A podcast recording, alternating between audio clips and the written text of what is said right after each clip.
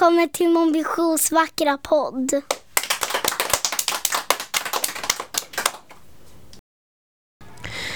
Det första jag hörde när jag vaknade nästa morgon var kråkorna som kraxade. Alldeles nära lät det som. Kanske drömde jag. När jag öppnade ögonen såg jag Issa låg hopkrupen bredvid mig. Maggo sov på madrassen intill. Vi befann oss i ett litet rum runt ett fönster på alla sidor. Det var fortfarande natt, eller kan ske tidigt i morgon. Jag lät filen ligga kvar över isen när jag reste mig och gick fram till ett fönster. Utanför fanns bara skostenar och snö. Hur hade vi kommit hit?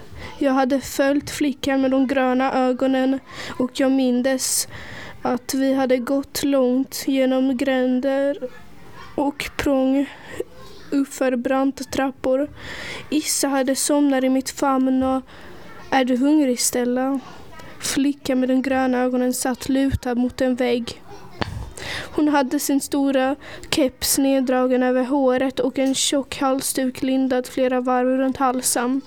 Jag skakade på huvudet. Jag drömde att jag åt pizza, sa jag. Eller åt vi pizza på riktigt? Flickan nickade. Ni var ju utsvultna, sa hon och log. Tog ni inte med matsäcken från barnhemmet? Jo, men den åt vi upp på tågres, sa jag och tystnade. Hur, vis, hur visste du att vi är barnhemsbarn? Flickan ställde sig bredvid mig och såg ut genom fönstret. Sådant ser man i ögonen, sa hon. Om man vet vad man ska titta efter. Hennes ögon var verkligen ovanligt gröna och nu såg jag något välbekänt i dem. En sort längtan kanske. Bodde jag också på barnhem? Hon skakade på huvudet. Ja, min storebror Rustan gjorde det ett tag, sa hon. Men nu är vi skorstensbarn. Vi bor på taken. Jag förstod inte alls. Flickan märkte det och pekade ut genom fönstret.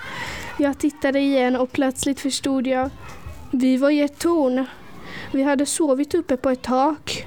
På natten hade jag inte fattat att vi var så högt upp, men nu såg jag. Det kittlade till i magen av rädsla. Bor du här uppe på taket? sa jag till flickan. Vad heter du?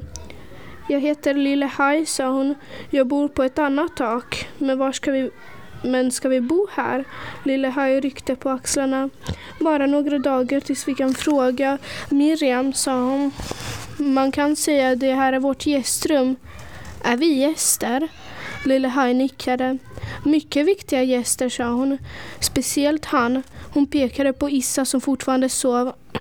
Han såg ut som vanligt liten och tunn och inte särskilt viktig. Men Issa hade alltid varit speciell. Han vet saker som ingen annan vet. Vet du att, vet du att Issa är den första främmande som har gett Niklasson någonting? Frågade Lille Haj på nästan ett år. Jag skakade på huvudet. Det hade jag aldrig kunnat tro. Så är det i alla fall, sa Lille Haj. Det måste betyda att han är viktig. Hon vände sig mot mig och rättade till kepsen. Kom, sa hon, vi ordnar frukost. Tack till alla trofasta lyssnare. Hej då!